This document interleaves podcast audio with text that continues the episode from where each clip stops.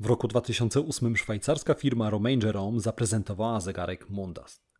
Zegarek wyprodukowano z elementów statków kosmicznych Apollo 11 oraz Sojus. W każdej tarczy widniał maleńki krater wypełniony pyłem księżycowym. Cena zegarków Mundast wynosiła w przeliczeniu na złotówki 55 tysięcy złotych. Sporo. Ale kilka lat później Romain Jerome wyprodukowało zegarek, który pod każdym względem deklasował Mundast. Nowy zegarek, o którym mowa, nazywał się Day and Night i kosztował ponad milion polskich złotych. Jednak nie to było najciekawsze. Zegarek Day and Night wcale nie pokazywał godziny.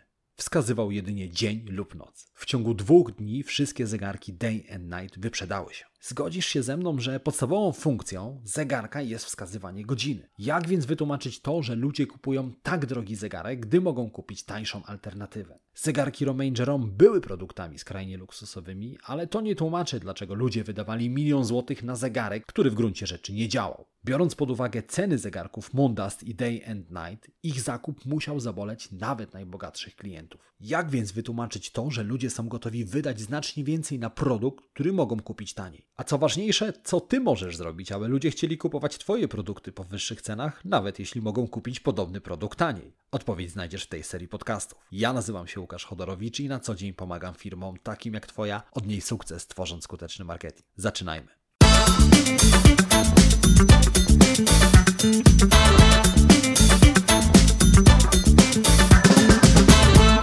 Zanim zaczniemy, pamiętaj, że więcej informacji o tym, jak zrozumieć klienta, jak robić lepszy marketing i jak więcej sprzedawać, znajdziesz w moich newsletterach.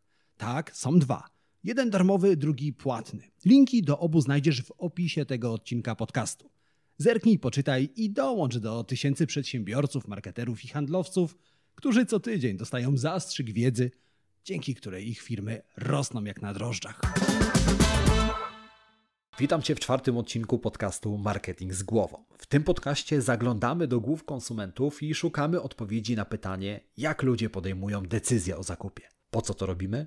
Oczywiście, żeby robić jeszcze lepszy marketing i żebyś mógł sprzedawać więcej swoich produktów i usług. W tej serii podcastów przyglądamy się cenom, a dokładniej szukamy odpowiedzi na pytanie, kiedy klienci są mniej wrażliwi na ceny. Zastanawiamy się, w jakich sytuacjach cena schodzi na drugi plan, a klienci są gotowi za Twoje produkty zapłacić wyższą cenę, pomimo tego, że mogą kupić podobny produkt taniej. Chociaż klienci często liczą pieniądze, nim je wydadzą i porównują ceny przed zakupem, w pewnych sytuacjach cena nie jest najważniejsza. Pomyśl, ludzie płacą milion złotych za niedziałające zegarki. Musi więc być sposób, aby kupowali Twój produkt po wyższej cenie, prawda? Masz rację, w końcu Twój produkt działa i raczej nie kosztuje miliona złotych. W poprzednich odcinkach podcastu ustaliliśmy, że gdy kupujemy, to często kierujemy się emocjami czyli czynnikami psychologicznymi. Ustaliliśmy, że w psychologii behawioralnej mamy dziewięć psychologicznych zjawisk, które sprawiają, że cena przestaje być najważniejsza. Wyobraź sobie dwie osoby zakochane w sobie po uszy.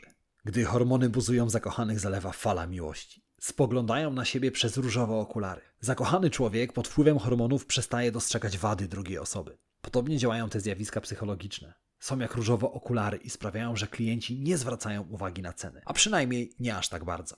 W poprzednich odcinkach omówiliśmy trzy zjawiska: efekt alternatywy, efekt trudnego porównania oraz efekt kosztów zmiany. Jeśli nie odsłuchałeś jeszcze poprzednich odcinków, to wróć do nich. Możliwe, że znajdziesz tam sposób, aby sprzedawać Twoje produkty albo usługi po wyższych cenach. A teraz porozmawiamy o efekcie zysków końcowych. Efekt zysków końcowych pojawia się, gdy ludzie kupują produkt, który jest jedynie częścią innego większego zakupu lub produkt jest sposobem na osiągnięcie większego celu. Czyli gdy zakup produktu nie jest celem samym w sobie, a jedynie drogą do osiągnięcia końcowego celu, cena przestaje być aż tak istotna.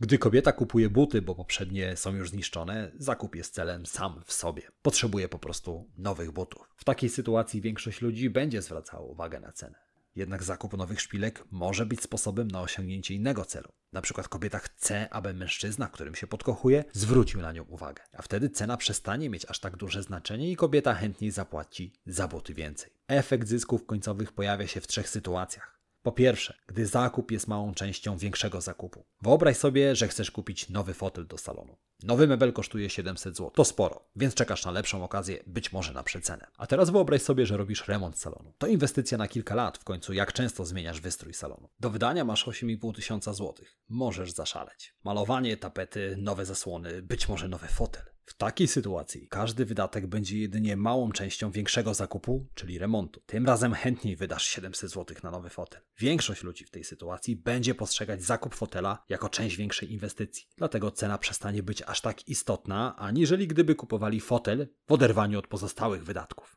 O tym, jak działa efekt zysków końcowych, doskonale wiedzą sprzedawcy samochodów. Kupno samochodu jest większym zakupem. Dlatego sprzedawcy rozbijają zakup samochodu na kilka mniejszych wydatków. Mamy oddzielną cenę za radio samochodowe, system nawigacji, bagażnik dachowy, a nawet opony. Wszystko po to, aby klienci postrzegali dodatkowe wyposażenie jako drobny element większego zakupu. Podobnie jak cena fotela podczas remontu, wyższa cena za nawigację staje się mniej istotna, gdy kupujemy drogi samochód. A jeżeli nie kupowałeś niedawno samochodu, to być może kupowałeś urządzenie elektroniczne, komputer, smartfon lub tablet. Jeżeli sprzedawca chciał sprzedać Ci rozszerzoną gwarancję, to liczył na to, że poddasz się efektowi zysków końcowych. Tak, masz rację, rozszerzona gwarancja jest tylko niewielkim elementem większego zakupu. Ok, czyli pierwsza sytuacja, gdy pojawia się efekt zysków końcowych, to gdy ludzie kupują produkt, który jest częścią większego zakupu. Po drugie, efekt zysków końcowych pojawia się, gdy ludzie kupują produkt, który pomaga osiągnąć odległy cel. Wyobraź sobie, że wyjeżdżasz z rodziną na wakacje. Jedziecie w piękne i egzotyczne miejsce, na Karaiby. Chcesz, abyście wszyscy na długo zapamiętali te wakacje. Dlatego planujesz robić dużo pięknych zdjęć. Smartfon nie bardzo nadaje się do robienia zdjęć, więc rozglądasz się za nowym, profesjonalnym aparatem. Zakup aparatu pomoże Ci osiągnąć więc odległy cel zachowanie wspomnień. Jak sądzisz, czy w tej sytuacji lepiej sprawdzi się aparat za 700 zł, czy taki za 900? Większość ludzi w podobnej sytuacji zdecyduje się wydać więcej. Im ważniejszy będzie odległy cel, który ludzie chcą osiągnąć, tym mniejszą uwagę będą przywiązywać do ceny. W latach 80. komputery IBM nazywano Big Blue. W tamtych latach IBM wziął na celownik pracowników odpowiedzialnych za wyposażenie firm, czyli osoby, które decydowały, czy ich firma powinna kupić IBMy, czy inne, często tańsze komputery. IBM uruchomił w tym celu kampanię, która miała wywołać efekt zysków końcowych u pracowników zaopatrzenia. Wykorzystał w tym celu hasło reklamowe, które brzmiało jeszcze nikogo nie zwolniono za zakup Big Blue. W ten sposób IBM dyskretnie pogroził palcem ludziom odpowiedzialnym za zakup komputerów w firmach. Zwrócił uwagę na ryzyko związane z zakupem tańszych komputerów. Jeżeli zaopatrzeniowiec podejmie złą decyzję, czyli wybierze tańszy komputer, może stracić pracę. Odległym celem było więc zachowanie pracy przez zaopatrzeniowca. Ryzyko związane z tym celem było ogromne, więc kampania zadziałała. W latach 80. z komputerów IBM korzystało 70% firm. Czyli drugą sytuacją, w której ludzie chętniej przymkną oko na wyższą cenę, jest zakup produktu, który pomaga osiągnąć odległy cel. Po trzecie, efekt zysków końcowych pojawia się, gdy ludzie kupują coś, co pomoże im zarobić więcej pieniędzy. Na przykład kawiarnia kupuje ekspres do kawy, aby sprzedawać kawę swoim klientom. Im większy zysk końcowy ze sprzedaży kawy, tym mniejsze znaczenie będzie miała cena ekspresu. Zysk ze sprzedaży kawy w kawiarni jest duży. Przygotowanie kawy w ekspresie kosztuje około 5 zł.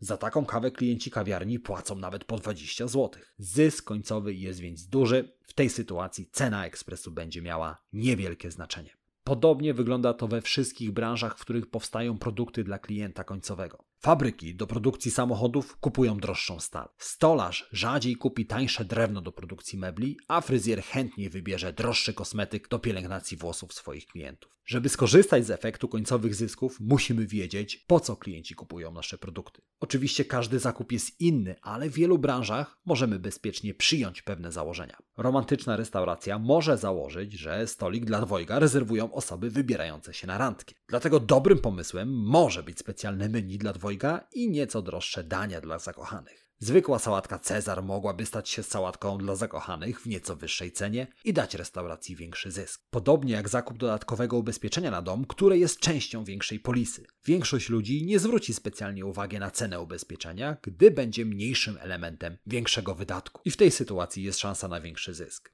Zastanów się, czy któraś z tych trzech sytuacji nie pojawia się w Twojej firmie. Być może Twoi klienci kupują produkt jako część większego zakupu, a być może dzięki niemu chcą osiągnąć inny cel. A może sprzedajesz coś, co Twoi klienci wykorzystują do produkcji innych produktów i sprzedają to dalej. Wypatruj okazji i spróbuj dowiedzieć się, dlaczego klienci kupują u Ciebie. Założę się, że od teraz znajdziesz wiele sytuacji, w których będziesz mógł wykorzystać efekt zysków końcowych i sprzedać swój produkt za wyższą cenę. Pora na trzy najważniejsze rzeczy, które powinieneś zapamiętać. Przede wszystkim pamiętaj o trzech sytuacjach, w których może pojawić się efekt zysków końcowych, czyli trzy sytuacje, w których klienci zapłacą Ci więcej za Twój produkt lub usługę. Po pierwsze, gdy ludzie kupują produkt, który jest elementem większego zakupu. Po drugie, gdy ludzie kupują produkt, aby osiągnąć odległy cel. I po trzecie, gdy ludzie kupują produkt, który pomoże im zarobić pieniądze. Jak zawsze, jeżeli dowiedziałeś się czegoś nowego, zostaw komentarz i polub ten odcinek. A jeżeli znasz kogoś, kto chce podnieść ceny swoich produktów, ale nie wie jak, to udostępnij mu ten odcinek. Dzielmy się wiedzą. My słyszymy się za tydzień i dalej będziemy rozmawiać o cenach, bo przed nami jeszcze pięć zjawisk psychologicznych, które pomogą Ci zarobić więcej. W kolejnym odcinku porozmawiamy o efekcie uczciwej ceny. To był podcast Marketing z głową. Do usłyszenia. Cześć.